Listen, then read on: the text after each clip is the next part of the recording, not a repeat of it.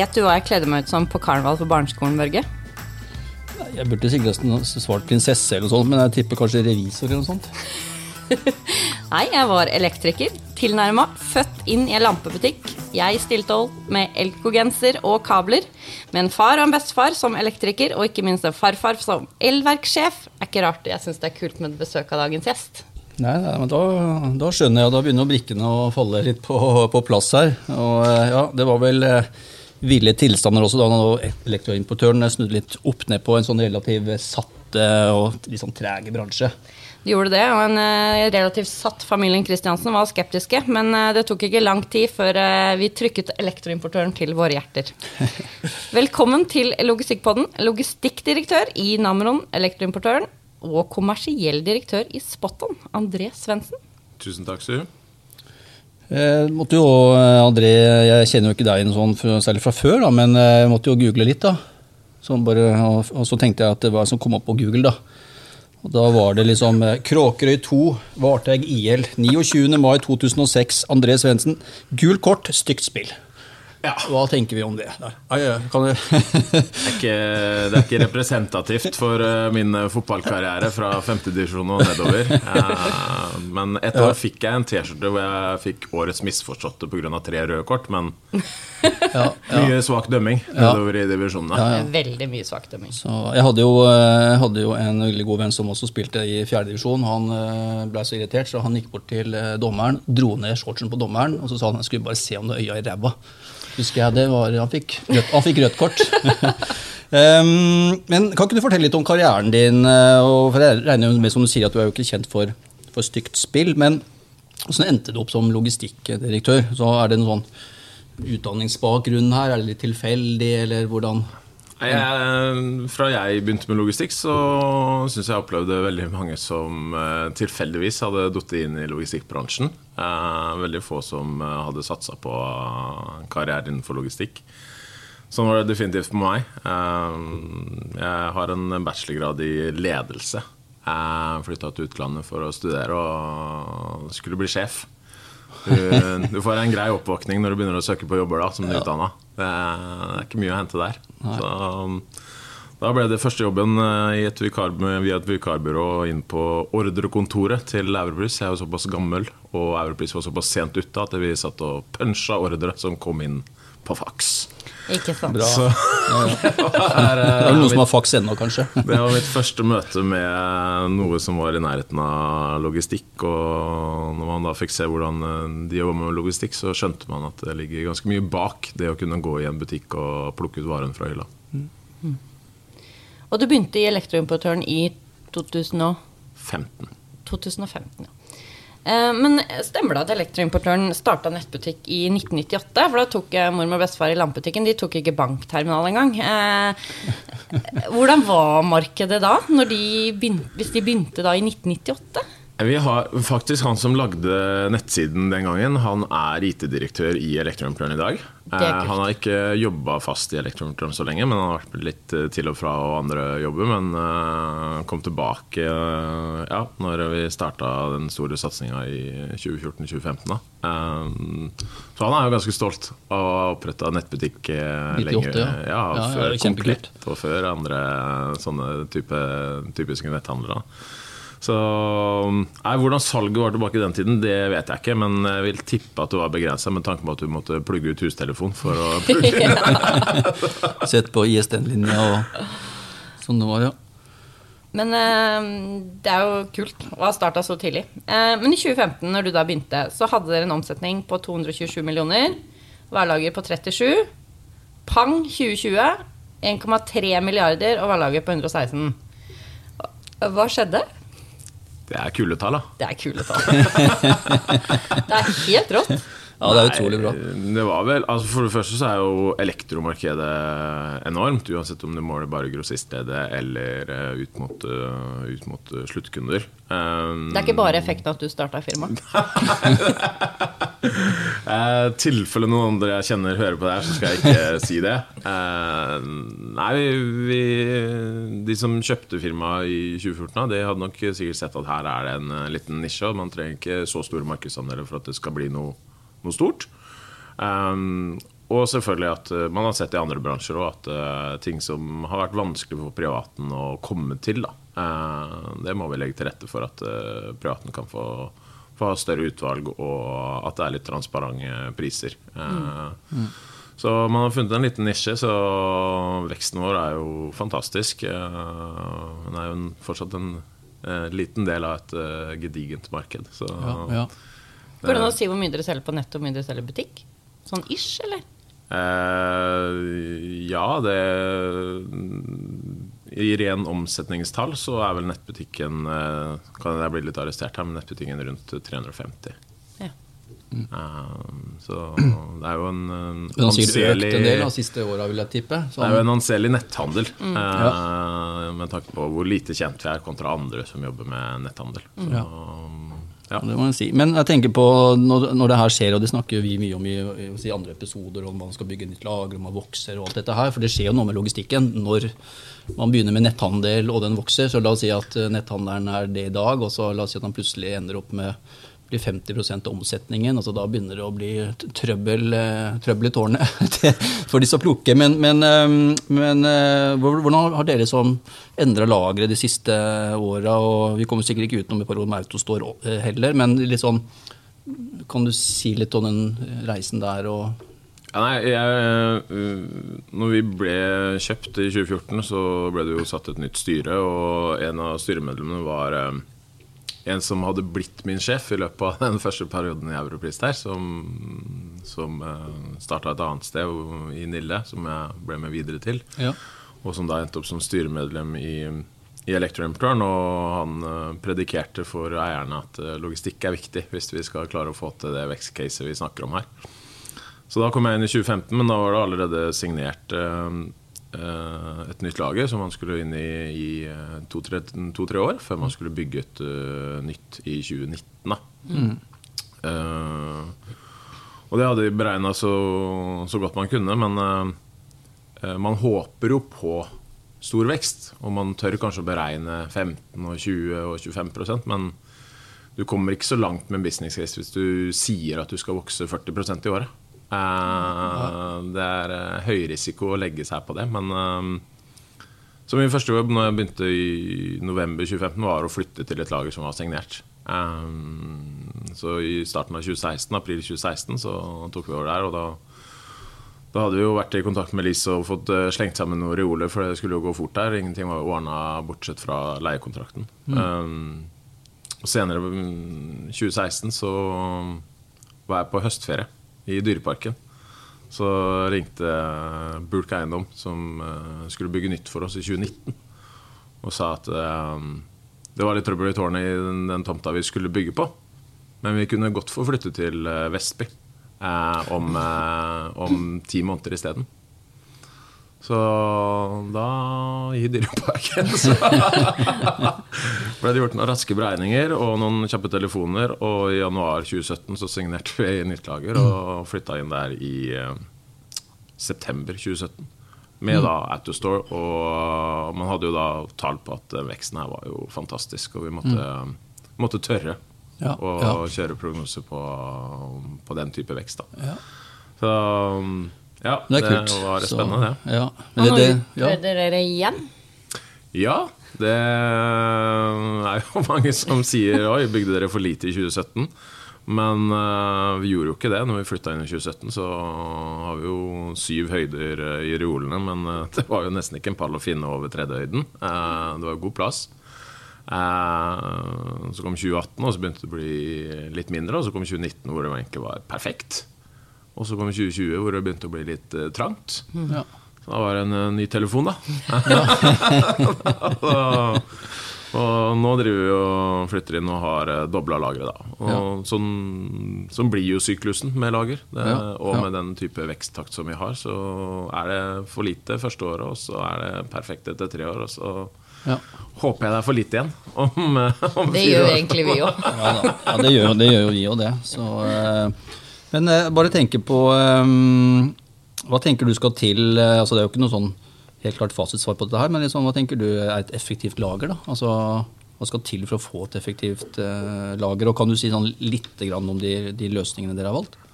Ja, øh, man, man sammenligner jo oftest med der man kom fra, og kanskje der man har jobba tidligere. Um, men hvis vi tar liksom den situasjonen vi kom fra før vi flytta inn i nytt lager, hvor vi kunne begynne med et firkanta bygg mm. uh, tilpassa effektiv logistikk, så, så, fikk vi jo selvfølgelig en uh, bra effektivitetsøkning på mm. å gå fra plukkeautomater til, uh, til Autostore. Mm. Um, og det står for det aller meste av plukket vårt, ca. 80 av plukket. Ja. Men den 20 %-biten som er manuelt lager mm. Vi fikk jo en høyere prosentvis effektivitetsøkning på manuelle lagre ved at det kunne være ordentlig satt opp. Ja. Eh, så man fikk jo gevinster der, og så fikk man jo gevinster på alt det som er rundt, som er trøkkjøring, som er pakking. Bare ved at man får liksom starte med 'her er et tomt skall'. Ja, ja. Hvordan vil du Så det er ikke noe hokus pokus, uh, verken fra meg eller mine, sånn sett. Det er bare at man uh, har hatt gode forutsetninger for å sette opp en, uh, en, god løsning. Da, hvor man, man har tatt vare på alle de de tingene som vi må gjøre i vårt lager, da, som er ja, kabel, ekstra lange produkter, ting som ikke er firkanta, som passer inn i en reol eller i, um, i Autostore. Mm. Så egentlig bare at man har fått muligheten til det, som, um, som ja. har vært mye av styrken der. Men Er det sånn at dere er i en sånn ongoing sånn prosess, at man hele tiden ser på, på måte, forbedringer på et lager, eller er det sånn at det, nå funker det bra, og da er det sånn, ikke noe poeng å begynne å rokke med det, liksom? eller... Nei, det, man uh, lærer som man lever. Ja, ja. Uh, vi ser jo det at uh, rundt Autostore, rundt lageret, så har vi hatt en god plan. Vi har jobba mm. mye med den, men en plan vil jo på en måte aldri treffe 100 Nei. når man begynner å se det i praksis. Mm. så vi har jo i etterkant vært inne med litt rullebaner og litt annet småsnacks for å hente litt gevinster her og der. Ja, ja. Ja, for Vi ser jo ofte sånn her, vi har begynt å se litt nærmere på det her med pakking, pakkebiten òg. Liksom mange, mange av våre kunder som på en måte har at man, kan, at man har sånn, litt sånn glemt er sånn, sånn glemt område på mange. Det er liksom lage effektivt og plukke effektivt, og sånt, men selve den pakkinga av varene og at det effektiviseres. Jeg vet ikke om du har noen tanker rundt det, eller om dere har jo, nei, det, det, det er et godt poeng. Når vi, vi flytta inn, så var det jo uh, en, eh, en liten misforståelse med oss og, og VMS-leverandør. Hvor vi endte opp med at uh, vi hadde en tanke om pakking, og de hadde en tanke om pakking. Og det med å konsolidere og sette pakker sammen og, og, den type ting. Og det ble litt kaos før vi fikk uh, skikk på det. Men uh, det er litt skummelt når vi har plukka en vare og sender melding til en kunde om at nå er varen din plukka. Ja. Men så er den ikke pakka ennå, den Riktig. fysiske biten. Nei. Men vi har gjort alt. Vi har fått etiketten som trigger den. Ja. Um, og det slet vi med ja, uh, i noen uker. Før mm. vi på en måte Altså, pakka er jo ikke ute før, han, før han ligger i og er ute. ikke sant. Uh, så Men alt i alt uh, det er som du sier, man må, man må, se det helt fra plukken til han eh, ligger der eh, teipa inn i esken med etiketten på og ja. klar for å gå ut. Så mm. det er en sirkel, det der. Hvor mange jeg tenker på, øh, Om du vet, det er ikke sikkert du, du har tall på det, men sånn, altså, hvor mange linjer per time altså, plukker dere? Vet du noe om det, eller? Sånn altså, jeg, i hodet? Jeg er glad i tall. ja. eh, og jeg liker å si at eh, veldig få kan måle seg med det vi holder på med. Men når man snakker med bransjekollegaer om tall, så er det ikke noe vits å sammenligne. Fordi det er ingen som sammenligner eple med eple. Noen jeg sier det tallet til, sier 'wow' så bra. Ja. Noen jeg sier det tallet til, lurer på hva er det dere driver med. Ja. Ja. men vi plukker forskjellige ting. Vi måler forskjellige ting. Noen måler bare pakkerne sine. Vi måler alle mennesker innafor bygget. Ja. Mm. Effektivitet måler ikke vi bare på de som plukker. Eh, for de kan jo selvfølgelig plukke kjempefort, de, men det hjelper jo ikke det hvis han ikke er pakka. Nei, nei. Men, det, og det, er jo helt, det du sier, det er jo kjempeviktig. Så å drive og sammenligne tall sånn, det, det, er alltid moro å høre noen mm. si at å, de er så effektive, og de er så effektive. Og så ja. tror jeg ikke alle er like sterke på tall, Nei. eller skjønner helt hva man sammenligner. Eh, og da, da, blir det egentlig eh, bare tøys. Um, og så er det også annerledes hos oss, fordi um, vi har jo selvfølgelig tall, og vi måler på vår måte, og vi måler eple år for år. Mm Så vi vet hva vi sammenligner med, og det er en all in eh, i forhold til hele lagerdriften. Så ansetter vi fire stykker på kontor. Så trekker det effektiviteten ned. Men det er sånn vi ønsker å måle effektivitet. Fordi det er ikke noe vits å si at vi er så effektive på lager hvis vi sitter topptunge oppe i andre etasje. Eh, så vi må ha med, ha med alle for å se Ja. hvor effektivt det er eh, lageret. Men hos oss så er det jo uansett at jeg har fokus på tall, og logistikksjefen har fokus på tall. Eh, og en gang i måneden så viser jeg tall eh, når vi har eh, ledermøter. Eh, videre ut på lageret så snakker vi ikke om tall. Nei. Eh, De som plukker hos oss, jobber på lager hos oss, de, de som har jobba andre steder, kommer veldig ofte og spør hvor mye jeg har plukka. Men det snakker vi ikke om. Nei. Hos oss så Vi har tall på det, og vi kan se individuelt på personer hvordan de presterer. Ja. Eh, Sånn at vi kan plukke opp avvik per enkelt person.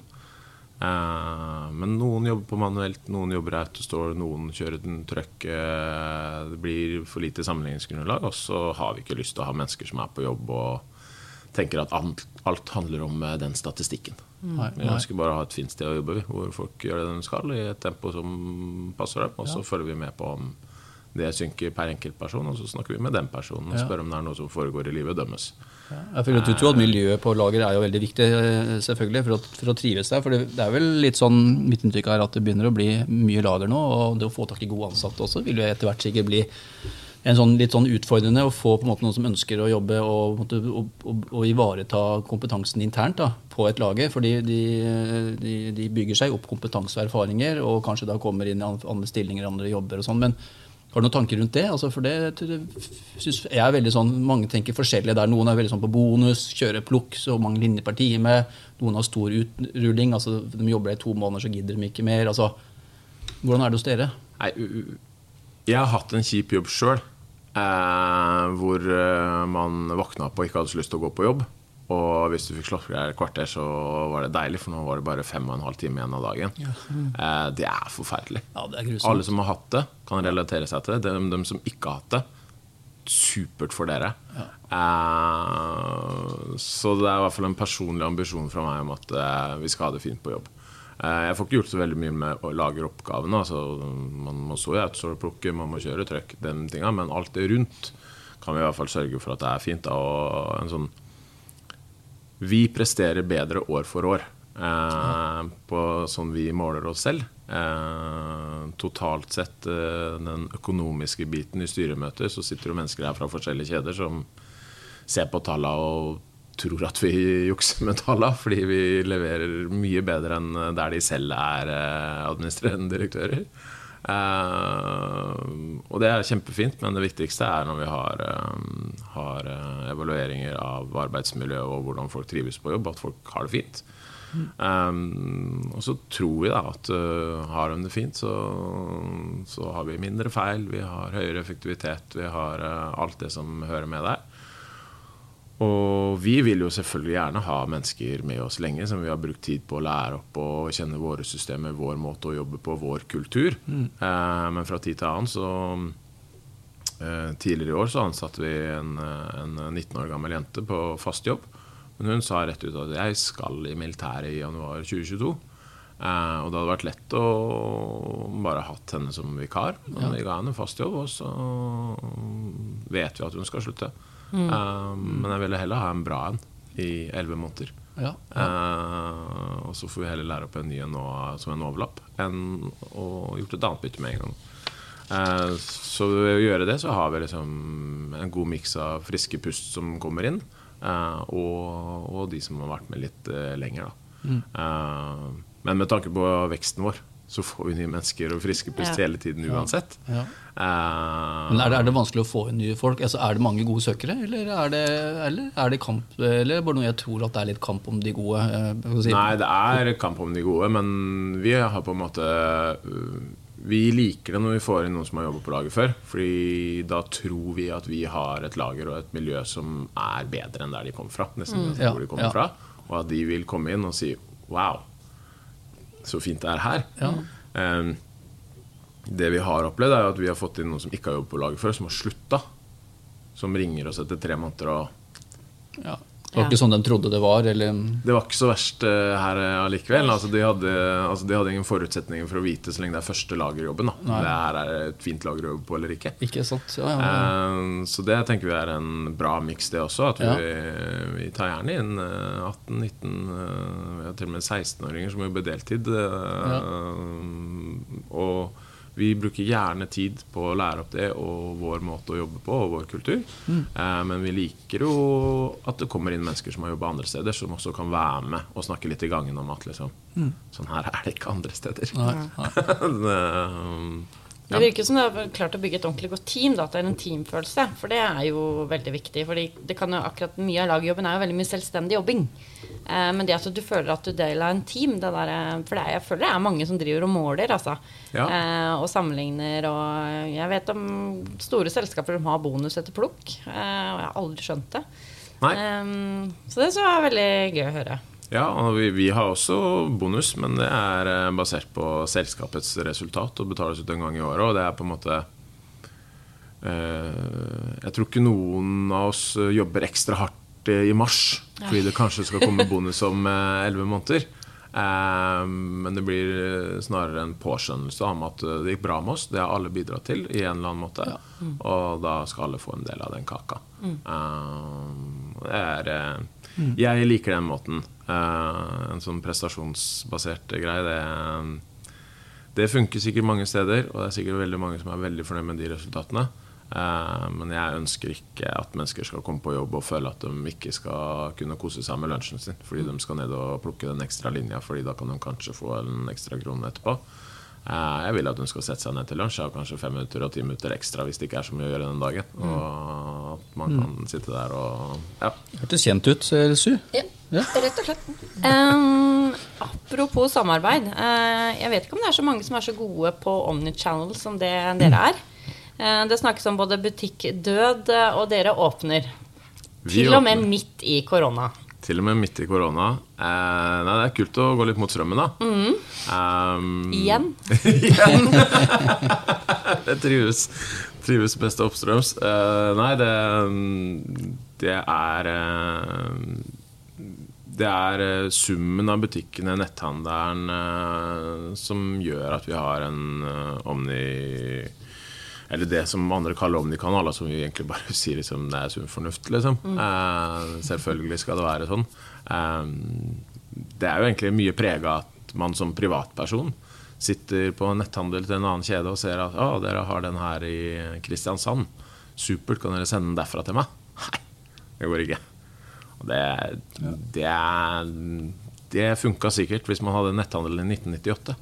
Men eh, netthandel i det er 2021 eh, så må man kunne ha en strategi som gjør at man klarer å utnytte hele kjeden sin. Og det, butikkene og samspillet med netthandelen vår det gjør at vi har eh, logistikkløsninger som eh, går utapå eh, alle kjeder jeg kjenner, i hvert fall. For det, det er jo ingenting som irriterer meg mer eh, som forbruker eh, når jeg ser at eh, visse sommerprodukter er tilgjengelig i Alta, men utsolgt eh, syd for Alta. Eh, men det kan ikke sendes fra Alta. Nei. Eh, og da tenker jeg Hva er vitsen med netthandel? har jeg tenkt da. Når dere Ja. ikke klarer å bruke butikkene. Det går, jeg, dere ha, de kommer til å ligge på, på lager i Alta i tre år. Ja. Eh, send det nedover. Nei, det, er, det, er, det er det å utnytte selvfølgelig saldoene som ligger rundt om i varehuset, er én ting. Eh, man har jo Hent i butikk, som eh, jo i hvert fall perioden vi har vært inne i, har vært en eh, nøkkelfaktor. Hvor vi tidligere sa liksom, ok, innen to timer så kan du komme og hente i den butikken som det er i.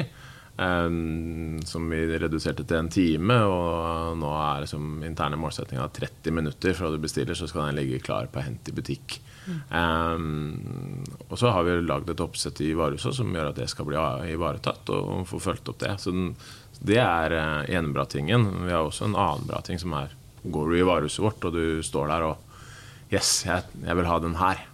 Um, og så er hylla tom. Uh, så skal du slippe å dra tilbake til den butikken. Uh, da lager vi ordren, og du betaler, og så om en dag eller to så ligger den i postkassa di. Så har vi sendt den fra et annet sted. Uh, så du slipper å komme tilbake uh, fysisk til den butikken, men det kommer hjem til deg. Så Der får vi også utnytta liksom, de styrkene. Eh, så har vi min favoritt, uh, som er um, Alle snakker om eh, raske løsninger og få det levert innen to timer og bestilt hjem på døra og sånne ting. Og det er jo kjempefint hvis du bor innafor Ring 2, eh, som de fleste kjeder tilbyr det.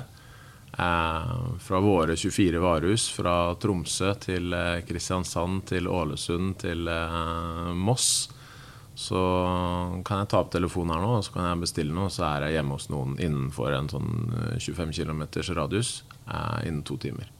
Eh, det kom veldig godt med når jeg i februar hadde en kompis som ble 40. Jeg satt på Trysil. Eh, han hadde fått seg hund og bestilte en hodelykt hjem til en. eh, så han eh, rakk å få det hjem til han kom hjem fra jobb. Og da virker det jo planlagt, men eh, ja, det er sant.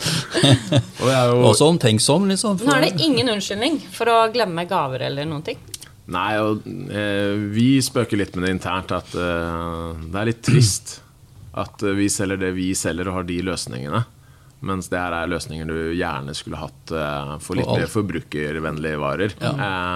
for det er ikke så ofte du står i beita får to stikkontakter. Nei. det er sant. Men nå er dere også ute med et nytt konsept. Spatan. Ja, Fantastisk navn. ja. Ehm, det drev vi egentlig med Mysenbelysning eh, på 90-tallet. Ehm, Mysen belysning. fikk, Så bra navn, vet Det er fantastisk navn. Mysen belysning. Eh, da kom bestefar hjem og monterte lampa, men du måtte da ha kjøpt lampa av Mysenbelysning. Eh, og- men det fikk du da. Du fikk det faktisk gratis. For det var greit for bestefar å komme litt bort fra mormor innimellom. Men eh, hva er eh, spot on? Nei, altså øh, Vi er jo en, i et marked hvor du ikke har lov til å jobbe med ganske mange av produktene våre selv. Eh, vi har jo mye plug and play med varmeovner og terrassevarmer og sånne ting som, eh, som ikke trengs noe. Men eh, når du står der og skal fikse downlights eller den termostaten som eh, hangla litt, eller de små tinga, så, så har vi jo hatt en, en løsning med butikkene våre hvor du kan komme og du kan få velge det, og det er transparente priser. Men selv om du får velge akkurat den fargen du vil, og det displayet du vil ha, og, og ser at prisen er eh, riktig, så trenger du fortsatt at det kommer noen kvalifiserte til å installere den her. Og det er jo X-faktoren for mange. At eh, ja, nå vet jeg at den termostaten koster 999, men hva koster det å faktisk få den montert? Eh, og der har vi hatt løsninger som eh, Og vi har fortsatt eh, altså visittkort til våre partnere på disken. Vi har et skjema på nettsiden hvor man kan spørre om å få liksom, tilbud fra elektriker som går til våre partnere. Men det blir litt for analogt. Så spot on så har vi da en elektrikertjeneste som man kan gå på nett, og så får du tilbud om fastpris bare ved å fylle inn litt om, om stedet du skal ha plassert ting. Og er det ikke innafor den forma som vi klarer å gi en fastpris på der og da, så kan man få en videobefaring, så du slipper å få noen hjem til deg. Som jo også traff greit eh, timing i forhold til perioden vi har vært inne i. Eh, for å ta de som er litt utenfor, men du får fortsatt fastpris. Og du får fortsatt prisen innen 24 timer. Og du kan få elektrikeren i løpet av en fire-fem dager. Eh, så er har du noe i hodet på søndag, så kan det være fiksa til fredag. Um, det, er, det er rett og slett genialt. Hvorfor føler jeg at dette er et bra produkt for deg, Børge? Ja, det, det er for at eh, kona mi skal pusse opp hele tida. Ja. Så det er eh, Jeg var faktisk også litt når hun kjøpt, kjøpte masse stæsj i Ski. Da, men da bare da la jeg opp sjøl, liksom. Og så gjorde alt klart. Og jeg vet ikke hvordan det var før, men jeg som alltid trodde at du fikk ikke lov altså, altså Det var jo kjente merkevarer og alt fra dere, liksom. Men uh, før så var det veldig sånn Nei, man, det, det, vi kan ikke ta i noen ting og gjøre noe som helst. Men det virker som at det har endra seg litt òg. At man kan litt, gjøre litt ting klart, da, uten å og så kommer bare elektrikeren og kobler, liksom. Er det, vet du noe om det, eller er det Det, det er jo selvfølgelig mange som gjør det, og det er ikke ulovlig å trekke et kårer gjennom veggen sin eh, og kabelen. Og har man gjort noe feil når man ringer elektrikeren, så, så ser jo han om det er Innafor eller ikke. eh, feil eller ikke. Så Ja, ja. man får elektriker til å, til å komme og koble til det, og det, Ja. det er det sikkert mange som gjør. Men eh. Jeg tror eh, hvis man bruker tjenesten spot-on og ser på en totalpris, så tror jeg ikke folk kommer til å gjøre så mye sjøl lenger. Det, da får du en totalpakke, og du får en jeg tror det er den usikkerheten hos mange. Liksom sånn, hva koster det faktisk med en elektriker? Ja, ja. Eh, som er litt skummel. Og, og ringer man noen, så Det er jo en bransje som er utrolig opptatt. Altså, de har jo ordrebøker som eh, som Mm. regel strekker seg.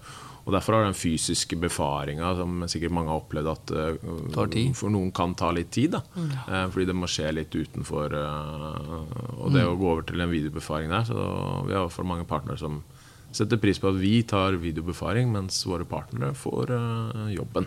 Eh, beskrivelsen og produktene klare. Her kan du bare reise ut til kona til Børge, og så Fikse det. ja, det er bra. Jeg har mer jeg skal gjøre. Jeg skal teste det faktisk, André. Så det, det lover jeg deg. Ja. Har du noen eh, andre planer du kan røpe, eller? Jeg har liksom alltid etter sånn der, Du hørte det først i Logistikkpodden. Nei, nå er vi jo notert på Euronext eh, børs, så det er vel ikke så mye man kan dele, og det er vel ikke så mye jeg vet heller, men eh, vi har nå i hvert fall ikke gått ut og sagt at vi skal åpne en ny butikk til, da. Så det kommer en ny butikk nå i høst, uh, vår tredje i Rogalandsområdet. Så Åsen i Stavanger får, uh, får en butikk, så det er jo, ja, som vi snakka om i stad, kult at vi bare fortsetter å åpne. Absolutt. Ja, vi har jo vært litt sånn inne på lager i- litt, litt i stad. Ehm, så jeg vet ikke om det er sånn repetisjon her, men, eh, eh, men det er jo sånn, når vi går på, tilbake litt sånn til, til lageret igjen, eh, André, så er det jo sånn at altså alt er jo ikke automatisert. og og det blir jo ofte litt sånn armer og bein og, og sånn, men hva tenker du liksom kombinasjon sånn automasjon versus humans, liksom, eller menneskelige ressurser, på en måte? Altså, hvis du på en måte hadde fritt spillerom. Ja, nei, det finnes jo mange løsninger for ting man kan uh, automatisere. Um, og, og det er jo helt sikkert en, eh, en fin linje der mellom eh, mennesker og automasjon. Um, men det vi så når vi installerte Autostore, så var det jo veldig mange som kom på besøk og lurte på hvor mange mennesker uh, Eller hvor mange færre vi trengte på lageret. Eh, nå var jo vi heldige med tanke på vekstcaset vårt at vi var i en litt annen situasjon enn andre som vokser 3% i år og på en måte effektiviserer så mye, så må du kanskje ta bort noe. Men for vår del så skulle Autostore være i tillegg til, ikke istedenfor. Um, og ja, vi fikk eff- effektivitetsgevinsten, men det gjorde at vi kunne gjøre andre ting på lageret som vi kanskje ellers nedprioriterte. Um, og det med å automatisere altså Som sagt, man kan jo gjøre hva man vil, men det er jo også et regnestykke. Eh, og så er det en menneskelig faktor i det. At eh, ting kan jo gå feil, men eh, mennesker så Det er jo det som skaper arbeidsplassen. Så jeg tipper at det må uansett være en slags kombinasjon der. Ja. Eh, og veldig mange av de tingene vi ser på og automatisere, så blir det sånn Ja, eh, du kan ha selvkjørende trucker, og den kan fikse det her. Altså, Trenger jeg ikke å ha noen på trøkk lenger? Jo. For hvis pallen er litt oversize, hvis den er litt sånn, hvis den er litt sånn, hvis den er litt sånn, så, så kan ikke den håndtere det. Nei. Da må jeg ha en allikevel. Ja. Ja. Det er også i tillegg til. Ja. Og sånn, uten at jeg har sett på alt som kan automatiseres, så virker det som det er veldig mye som uansett krever eh, menneskelig eh, tilsyn. Og da, da gjør det at det, det er ikke alle ting vi starter på som ender opp med at vi syns er like sexy når vi Nei, nei. er ferdig med å se på det. Um, men det er selvfølgelig eh, det vi, det vi liker eh, med en del sånne automasjonsløsninger, semi-automasjonsløsninger, er jo kanskje mer å legge til rette for at mennesker som jobber der, kan få en lettere arbeidsdag. Eh, lagerjobb er jo veldig ofte kjent for at det er en tung fysisk jobb. Eh, og det er det. Det er mange skritt, det er mange løft. Eh, men det er jo en god del ting man kan gjøre for å redusere den. Og, og uten å snakke ned noen kjønn, så jo, går du inn på et tradisjonelt lager, så er det jo veldig ofte gutter og menn som eh, er i klart flertall. Eh, mens vi, med, spesielt med Autostore, men eh, også andre typer jobber på lageret, og, og manuelt, eh, som er liksom knytta til å være den tyngste jobben, da. Så har vi spesifikt eh, vært ute etter eh, jenter. Eh, så vi har eh, 40 andel jenter på, på lageret. Det tror jeg aldri har hørt om noen så høy andel.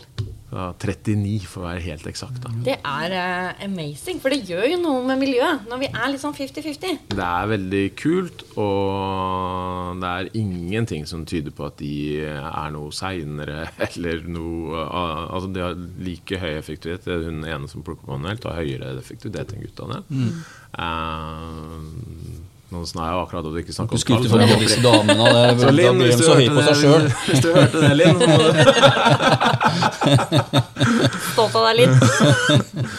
Uh, nei, altså, det, er, eh, det er veldig godt. Og det er som du sier, Su, det, er- det, er, det er bra for miljøet. Det er mm. generelt en god greie. Og da blir det også ja, litt annerledes der også. Det, det er vi glad i. Vi må snakke litt om miljø og bærekraft også. Det må vi. Em, litt sånn hva er det viktigste dere gjør? Og så må vi ta opp eh, artikkelen du var med og, med bærekraftige plastkasser. Eh, et par sinna-kommentarer på Facebook. Plastkasser, spørsmålstegn, spørsmålstegn sinnafjes. Eh, så vi må bare rydde opp i det nå. Hvorfor vi faktisk mener at de plastkassene kan være miljøvennlige. Ja, altså Man må jo se på hva er alternativet. Eh, og det vi gjorde, og som vi også gjør delvis på de butikkene som er lengst unna, hvor vi ikke får helt til å gå opp verken miljø- eller kostnadsmessig, er eh, returbiten av å få det her tilbake til eh, sentrallageret. Mm. Eh, men eh, det vi gjorde før på alle butikkene våre, er at vi brukte store pappdunker. Eh, de koster litt, men det er også det er mye papp. Det er jo eh, brått en kilo papp minst minst i hver sånn dunk. Um, og, og når de kom ut til butikkene, så ble jo de da spretta opp og kasta. De hadde jo ikke noe bruk for de der. Uh, og det er for voluminøst og for vanskelig å bruke. Og, og de er uansett ikke noe særlig tess gang nummer to. Uh, og da måtte vi se på noen andre løsninger, for vi syntes det var vanvittig sløsing. Um, og så var det da en eh, prat med, med Eirik på hvor vi på en måte bare nevnte det og lurte på om det var noen løsninger. Og så ble vi presentert for den type plastkasser. da. Sammenleggbare plastkasser. Tar ikke noe plass på vei tilbake. Tar ikke noe plass å lagre på lageret. Eh, men er kjempefine å plukke i i et par forskjellige størrelser. Det har jo gjort at for det første så får vi jo eh, stabla ting godt. Så vi kan få to paller oppå hverandre, og vi får to 40 høye paller. Eh, som gjør at du får flere paller på bilen, som i seg selv er en, eh, en gevinst. gevinst ja. Eh, men eh, de bilene som leverer til halvparten av butikkene våre, de går kun fra oss ut til butikkene og tilbake. eh, fordi det er eh, fulle biler av det. Eh, så de kommer jo tilbake der. Bilen skal tilbake uansett, så det er ingen ekstra transport eller noe på det. Eh, og det var bra. Og nå har vi jo brukt det i er det nesten tre år, tror jeg, den første kassen er. Eh, og det er jo ingen som er kassert ennå. Eh, de varer og varer. Eh, så for vår del så har det vært eh, en no-brainer. Man trenger ikke gjøre regnestykke engang eh, på at det her er fornuftig.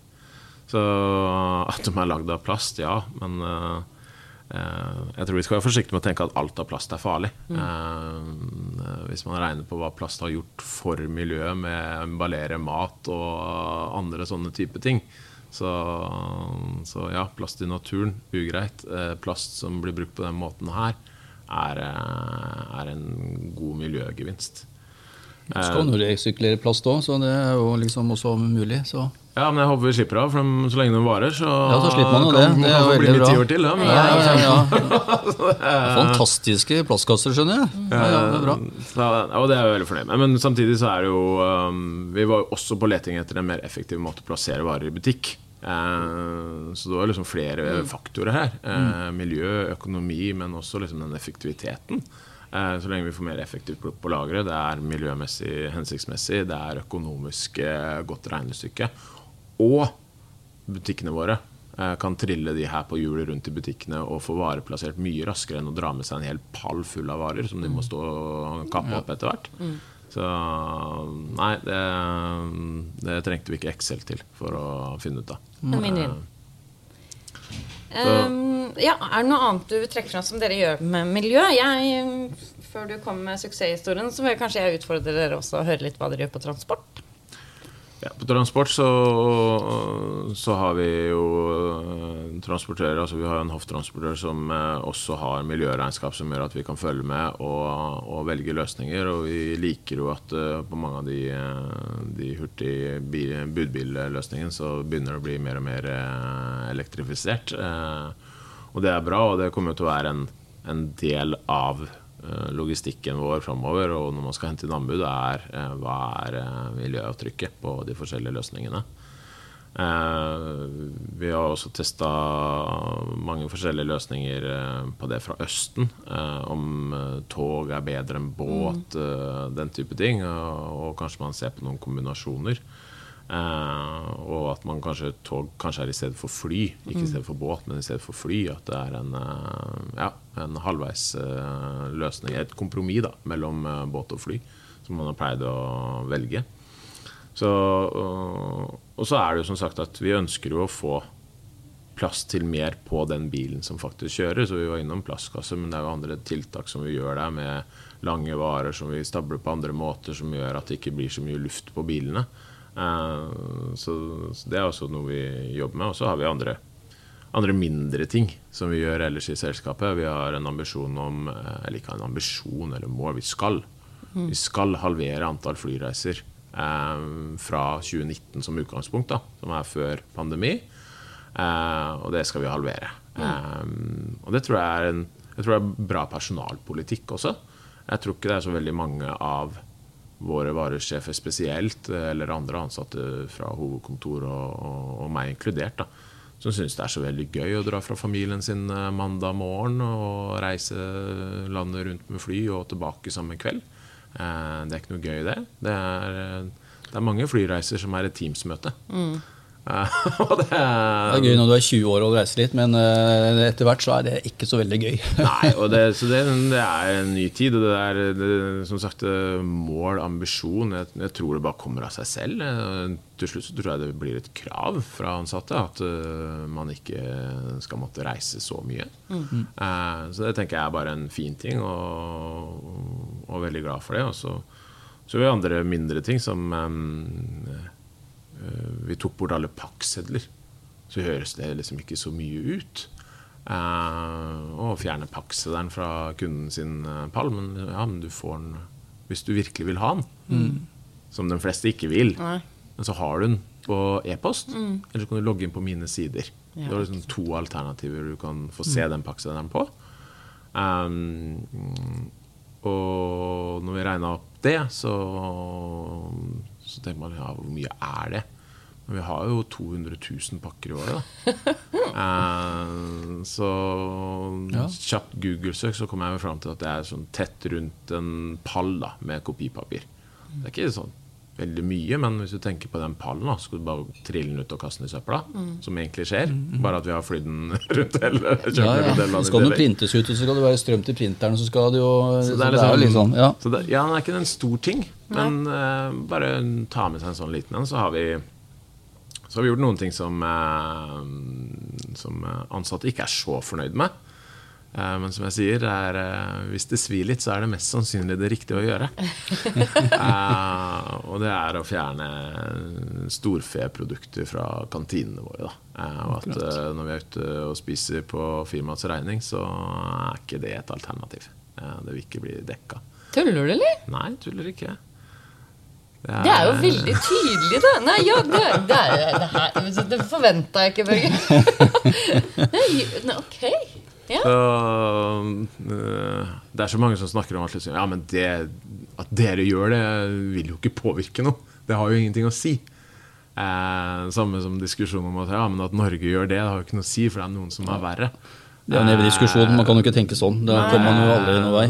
Når man skal gjøre opp regnskapet til slutt, så vil vi i hvert fall stå på riktig side av uh, historien. Mm. Ja. Uh, det tror vi er å ta noen sånne valg. Ja. Uh, og så er det nok masse annet vi kan gjøre. uh, men uh, det er en start. Mm. Uh, så er det en oppfordring til alle andre å liksom bare Ja, det er masse man kan gjøre, og det er en lang vei å gå. Eh, men eh, la oss gjøre det vi kan, da. Og I stedet for å snakke om alt annet man kunne ha gjort. Mm. For det kommer det òg, men ingen klarer å fikse alt på en gang. Nei. Eh, så ja. Det er kult. Hvor er dere om fem til ti år, da? Er det Europe? Altså, Hvis jeg hadde vært med på en sånn pod her i 2015, da ja. Hvor er dere om eh, fem-seks år nå? Eh, så hadde jeg jo ikke gjetta at eh, ja, nei, vi har gått fra 1000 kvadrat lager her med 7 meter høyde til 12 000 eh, der ute med liksom full size og sånne ting. Så eh, ikke for å være han kjedelige, men jeg håper ikke vi klarer å forestille oss hvor vi er om fem år. Ja. Vi er har, vi har store, store ambisjoner. Um, så føler jeg at vi har en track record på at vi faktisk uh, Vi hadde store ambisjoner for fem år siden òg. Det har vi levert på. Ja. Uh, vi er samme gjengen og med litt uh, nye krefter eh, hele tiden etter hvert som vi vokser, som kommer inn med nye ideer og ny giv. Og um, det, det kuleste som, som er hos oss altså, Vi satt i et ledermøte hvor vi skulle oppsummere et år. Jeg husker ikke akkurat hvilke år det var, men vi hadde vokst med et par og 20 prosent, tror jeg. Um, og det var så dårlig stemning i det ledermøtet. Uh, hvor uh, hvor uh, administrerende prøvde å si liksom Ja, men se på alle de andre. Jeg har jo nesten ikke vokst i det hele tatt. Og det er tilbakegang i retail og sånne ting. liksom Men han klarte ikke å kue det rommet der. 20 er katastrofe. Katastrofe, altså. ja. Da driver du hverandre hardt. Ja, så det er, Men selvfølgelig, det, det er lettere med 30 og 40 med mindre tall. Nå som du, ja, du leste jo tall i stad, og begynne å, begynne å knipe 30 og 40 på det, det er fryktelig Det ambisiøst. ja, ja, Så eh, prosentvis så kan man nok ikke tenke Det er begrensa hvor eh, mye oppussing vi nordmenn skal fortsette Nei, med. det er ikke begrensa. Nei, det er, det er, jeg føler ikke sånn heller. Nei, vi satt en, eh, vi satt en eh, Jeg tenker sånn Hvor mange, hvor mange downlights kan Ja. man selge? Hvor mange Ja. stikkontakter kan man Går selge? an, liksom. Eh, men så er det jo liksom bare å se på alt som blir bygd, og så begynne å tenke på liksom, ok Jeg tok en opptelling i huset mitt. Jeg har 96 downlights hjemme. Så hvis jeg skal pusse opp, så er det 96. Eh, har jeg akkurat gjort det, da. 96, ja. Ja, så høres det mye ut. Eh, vi har jo en sånn fetisj for downlights i Norge. Eh, men uh, gå hjem og tell, så er det ganske mange rundt omkring. Og så beste jeg hørte, var uh, Jeg har satt og snakka om liksom, det her må jo, det må jo stoppe en gang. Eh, men liksom, hvor mange år er det nordmenn har holdt på å pusse opp nå? Og hvis du går på finn.no Ja, ja. og sorterer billigst til dyrest, så ser du at det er ganske mange igjen som skal pusse opp for seg. Ja, ja. Eh, så, um, og så blir man jo finere på det. Ja. Man ønsker å bytte farger, man ønsker å bytte typer. Man, eh, ja. Alle har ikke fått bytta fra halogen til ledd ennå engang. Mm, ja. Svart veggboks, det må dere må få tak i. Det er jo fin, ingen som har. En sånn bryter, veggboks med sånn, bryter, sånn bry, lysbryter. Med, nei, sånn, sånn stikkontakt. Sånn veggboks for stikkontakt. Vanlig stikkontakt i vegg, som er eh, med lokk. Svart. Ute. Eh, inne. Med lokk. Får du lokk inne? Nei, for jeg er sånn, litt, ut, litt ute og litt inne. Det er sånn, sånn ut kosebua mi har jeg pussa opp. Ja, det Du får lagt Vi har, Ja, det gjort vi har, sort Jeg vi har har sorte utestikk. Ja, ja. Jeg skal vise deg. Før vi runder av, um, vi skal kåre årets lagermedarbeider i år, vi andre. Uh, og alle kan nominere til logistikkpodden at lease.no. Har dere en- Jeg regner med dere har en kandidat hos dere. Linn? Linn er, Linn er suveren. Eh, så ja, jeg lanserer gjerne Linn som en eh, kandidat til eh, årets lagermedarbeider. Og det Ja. Det er nok Eller, mange flinke der ute. Eller Andre dere måtte komme på. Er bare å nominere. Ja, Heder og ære i podden pluss et gavekort på 5000 kroner. Uh. Kan man nominere seg selv? Eh. Jeg har plukka Geitostår i år. Du kan gjerne sende inn en ja. nominasjon på deg selv. ja, hva tenker du? Har du lært noe i dag, Børge? Ja, ja, veldig gøy å høre da. Så, hvordan eh, man får det til og hva man tenker og sånn. Så jeg håper lytterne der også har uh, kosa seg, da.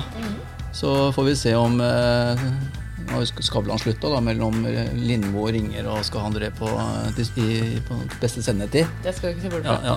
ja da, så veldig, veldig bra og utrolig hyggelig at du tok deg tid. Det syns vi. Tusen takk for at du kom. Bare hyggelig. Tusen takk for at jeg ble invitert. Ja, Vet du hva mottoet i familien Kristiansen er? nå Du får aldri nok stikkontakter. takk for i dag. Takk for i dag.